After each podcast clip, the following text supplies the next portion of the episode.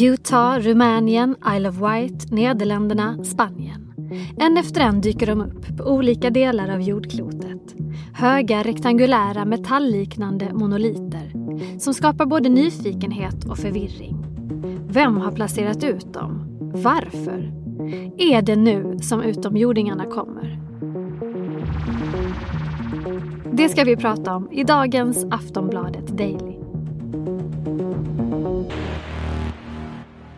Vi ringer upp journalisten Claes Svan som är vice ordförande i riksorganisationen UFO Sverige. Han tar oss med till öknen i Utah den 18 november när den första monoliten upptäcks. Ja, det är ju en ren slump att man upptäcker den här första monoliten. Det är ju en grupp då biologer som är ute för att räkna långhornsfår. Då. Och Utah är ju ett fantastiskt område. Jag har ju varit där och Eh, det är ju enorma röda klippformationer och så är det bara öken och öken och öken. Och då blänkar det till där nere bland klipporna. Och eh, de ser någonting som blir så pass spännande att de landar helikoptern och går ur och hittar då en silverblank då, monolit, en tre sidor eh, hög, två meter hög konstruktion som står då mitt ute i öknen bara. Och de har ingen aning om hur den har kommit dit? Ja, det är lite svårt Eller att när? förstå. Nej, det, det, man vet ju då senare då att på bilder som var tagna fem år tidigare med Google Earth så fanns inte föremålet där. Så det har hänt då inom fem år tillbaka. Det är det enda man kan säga. Det kan ha varit igår, det kan ha varit fem år sedan. Just det. Och sen har det alltså dykt upp liknande konstruktioner över hela världen? Ja, nästa dök upp den 26 november i Rumänien. Och den försvann sen den 30 faktiskt. Och det gjorde ju också den här i den försvann den 27 november. Så de två första är borta nu. Eh, man vet ju då att den här i Utah, det var en grupp på fyra personer som kom och monterade ner och körde bort i skottkärror till sina bilar. Sen är den försvunnen. Vem var det som hämtade? Ja, det vet man inte riktigt däremot. Eh, de vittnen som var på platsen, eh, de fick inte veta några namn, de kunde ta lite bilder men eh, det var en grupp män som tyckte att man ska inte skräpa ner i öknen. Och så ja, åkte man dit. Och det är ju flera timmars resa. Det är ganska stort företag att ta sig dit och hitta dit. Och hur många monoliter är vi uppe i nu då? Ja du, du är uppe i, så vitt jag har räknat, du är uppe i 14. Och eh, den eh, senaste som jag har kunnat se den dök upp i Michigan, eh, i Lansing, en stad i Michigan. Och den före det var i San Diego, också inne i stan och den före det var El Paso i Texas, också inne i stan. Så de, de tre eh, är ju typiskt sådana som har gjorts för att man vill väcka lite uppmärksamhet kring sin lokala butik eller något annat. En står vid en pizzeria och en står på en trottoar i El Paso och sådär. Alltså på något sätt så använder man de här lite nu för att väcka uppmärksamhet och reklam. Det var, ju en, jag var inne i Pittsburgh den 6 december som en person byggde, det vet vi, mm. eh, framför sin godisbutik. Och den stals sen inom 24 timmar så den är borta. Men alltså vilket material är de här gjorda av? Om vi tänker att de två första i alla fall var någon slags seriösa installationer kanske. Har man kunnat undersöka dem på något sätt? Nej, alltså det man kan säga det är metall. Eh, en är ju nästan som det vore spegelglas. Den som hittades på Isle of Wight den 6 december. Eh, den är väldigt vacker. Den blänker betydligt mer, man kan spegla sig själv i den. Och den har också erkänts vara byggd av en lokal konstnär. Eh, han trädde fram så sent som eh, igår kväll. Och det var han som upptäckte den också och då betedde sig lite underligt tyckte att oj vad mm. häftigt och så vidare. Eh, men annars är det, de ser ganska lika ut. Den i Colombia är i uh, guldfärgad metall. Annars är det trekanter med en liten vinkel på toppen. Mm. Eh, som är nog i aluminium, ska jag säga. De är ju inte byggda i solitt material. Om de hade varit liksom solida och vägt kanske då säg ett ton, då hade det här varit ett stort mysterium hur sjutton man skulle kunna placera ut de här. Men nu är de ju relativt lätta. Men, men, lite av ett mysterium är det ju ändå. Alltså, vet man något om vem som ligger bakom? Förutom då som du nämnde här, eh, någon som har tagit på sig eh, en av dem. Nej, det är några till som har tagit på sig. Det har ju varit i, eh, San Luis Obispo som ligger mellan San Francisco och Los Angeles i Kalifornien. Där dök det upp en monolit den 2 december och då monterades den ner sen utav en gäng som satte upp ett träkors istället. Eh, men då ersattes det träkorset i sin tur av en ny monolit och den gruppen som gjorde det, det var en konstnärsgrupp då i, i Los Angeles-området. De har sagt att de gjorde den och ytterligare en monolit som dök upp i Los Padres nationalpark inte långt därifrån den 5 december. Så det är några av de här som har blivit då ändå erkända utav lokala konstnärer framför allt. Men som du säger, de flesta av de här vet vi inte riktigt vem som ligger bakom eller exakt hur de dyker upp. Och finns det några övervakningskameror som har registrerat någonting som skulle kunna leda oss på spåren? Ja, det är lite lustigt då att det dök upp en i Kristiansand i Norge den 7 december utanför en belysningsaffär.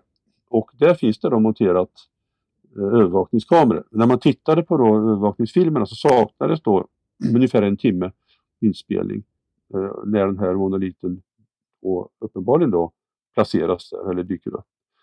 Eh, och det har inte jag sett riktigt hur det har slutat faktiskt då, men eh, man anar ju lite att det är någon som inte vill berätta hela historien där. Verkligen. Och vad skulle vara motivet till att det här överhuvudtaget startar från början? Är det någon som passar på nu när vi ändå har ett konstigt år? Kanske någon som har sett för många sci-fi filmer? Ja. Vad tror du? Man tänker ju så här, när du säger sci-fi filmer då har man ju pratat mycket om det här med att det skulle kunna vara eh, någon som har sett just eh, år 2001 då, ett rymdäventyr. Stanley Kubricks film från 1968 som bygger på Arthur C. Clarks bok då med samma namn. Eh, där förekommer ju tre stycken monoliter som är väldigt, väldigt viktiga. Och man kanske ska kort berätta den historien, för den första monoliten i filmen dyker upp då när människan fortfarande är apa. Och när, när aporna rör vid monoliten i filmen, då händer någonting med dem. Man märker att det är någonting, de utvecklas, inte snabbt då, men det händer någonting i deras DNA. Och nästa monolit dyker upp på månen när en månexpedition då landar där och, och hittar den och en tredje dyker upp då i en bana kring Jupiter. Så de här monoliterna då påverkar då mänskligheten och utvecklar då människan. Och det tänker då många att den här, åtminstone den första monoliten var byggd för att man skulle då hänvisa då till den här 2001-filmen. Att det skulle då vara en liten blinkning då kring Stanley Kubrick och Arthur C. Clarke. Just det. Och visst, det, så kan det ha varit då. Men nu liknar inte de här monoliterna filmmonoliterna. De här är trekantiga. Monoliten i filmen är ju inte trekantiga, de är svarta. Va? Så man vet inte riktigt säkert hur tanken har varit här. Du, du som har, eh, vad ska man säga, kanske det största kollen på ufo-världen i Sverige. V vad säger den sfären ja, om det, det, här? Det är klart att där har det blivit lite stökigt. Va? Det är många som tycker att det här är spännande och att det är, är någonting som kanske har med utomjordiska besökare att göra. Men ärligt talat så är det nog andra som har varit som värre med att tolka detta som ett utomjordiskt eh, konstprojekt eller vad det nu kan vara. Det finns borgmästare till och med i, åtminstone en stad som har gått ut och sagt att det här är fullständigt gåtfullt, det kan vara aliens som ligger bakom och så vidare. En av de här monoliterna, den som står i eh, nationalparken i San Luis Obispo, den fick också en liten varningsskylt på den snedställda trekantiga toppen där det står liksom warning och så är det en bild på flygande tefat som suger upp en människa i en ljusstråle. Så man, man, man odlar ju myten, man, eh, man vill ju att det ska spekuleras givetvis. Verkligen. Och på din egen aliens-skala, om vi tar den från 1 till 10, vad ger den för utslag hos dig? den här händelsen? ja, den är nog ganska nära ett skulle jag säga. Men, men den är väldigt högt upp på skalan över häftiga grejer som har hänt i år. Eh, det tycker jag. Och, eh, men jag tänker så här, alltså. man ska nog tänka rondellhund. Det är nog det första man ska tänka. Eh, om du minns rondellhundarna som idag är ganska en utrotningshotad art så dök de ju upp då första gången i Linköping i rondell. Den, en person hade byggt en liten eh, jycke och ställt i rondellen. Sen spred de sig och så dök det upp rondellhundar under flera år runt om i Sverige. Och det var ju många olika personer som gjorde dessa hundar. Det var inte en person givetvis. Det var ju copycats då som tyckte det var kul, en kul idé. Och plötsligt stod de där. det är väl på samma sätt ungefär som med de här monoliterna kan jag tänka mig. Vi kommer att hitta de här nu i månader framöver kommer de att dyka upp och sen plötsligt så är de borta och tappar intresset och så är det något annat som tar vid. Kan man jämföra de här händelserna, förutom om du tänker på rondellhundarna, eh, som har varit lite mer just att de tar fram konspirationer om aliens och sånt. Finns det andra sådana föremål som har dykt upp på det här viset? Så det jag tänker närmast är ju inte riktigt ett föremål, men det är cirklarna i sädesfälten. De här cirklarna som var väldigt stora på 90-talet framförallt i, i Storbritannien främst, men de dyker ju upp varje sommar fortfarande runt om i världen. Och det är konstprojekt i, i, mina ögon då, men som tolkas av många då som utomjordiska tecken i, i säden och väldigt komplicerade mönster som många menar kan inte vara gjorda av människor.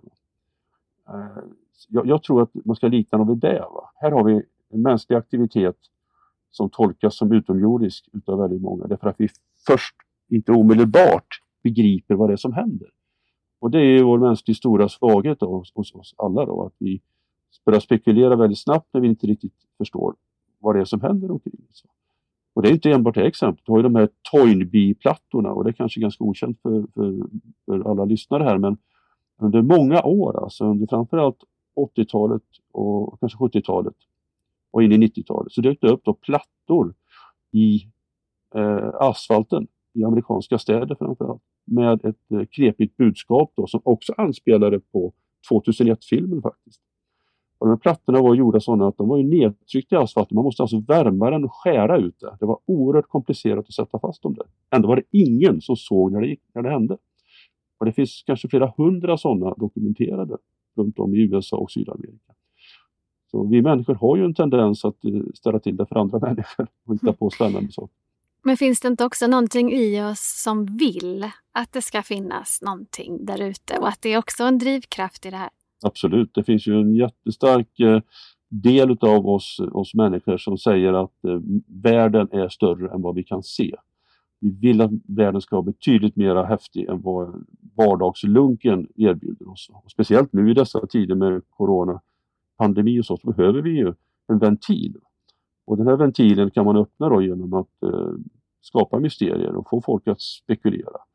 Eh, så att vi önskar ju alla att det finns ett liv efter döden, att det finns någon annan där ute, att vi inte är ensamma i universum. Eh, att det finns eh, superkrafter som kanske bara kan ses på film men som vi ändå hoppas att, att eh, andra människor kanske också kan ha. Nej, vi har en stor del av vår, eh, våra psyken som jobbar på att hoppas och att tro. Och så en annan del som ganska faktamässigt eh, undersökande. Kommer det dyka upp någon monolit i din trädgård?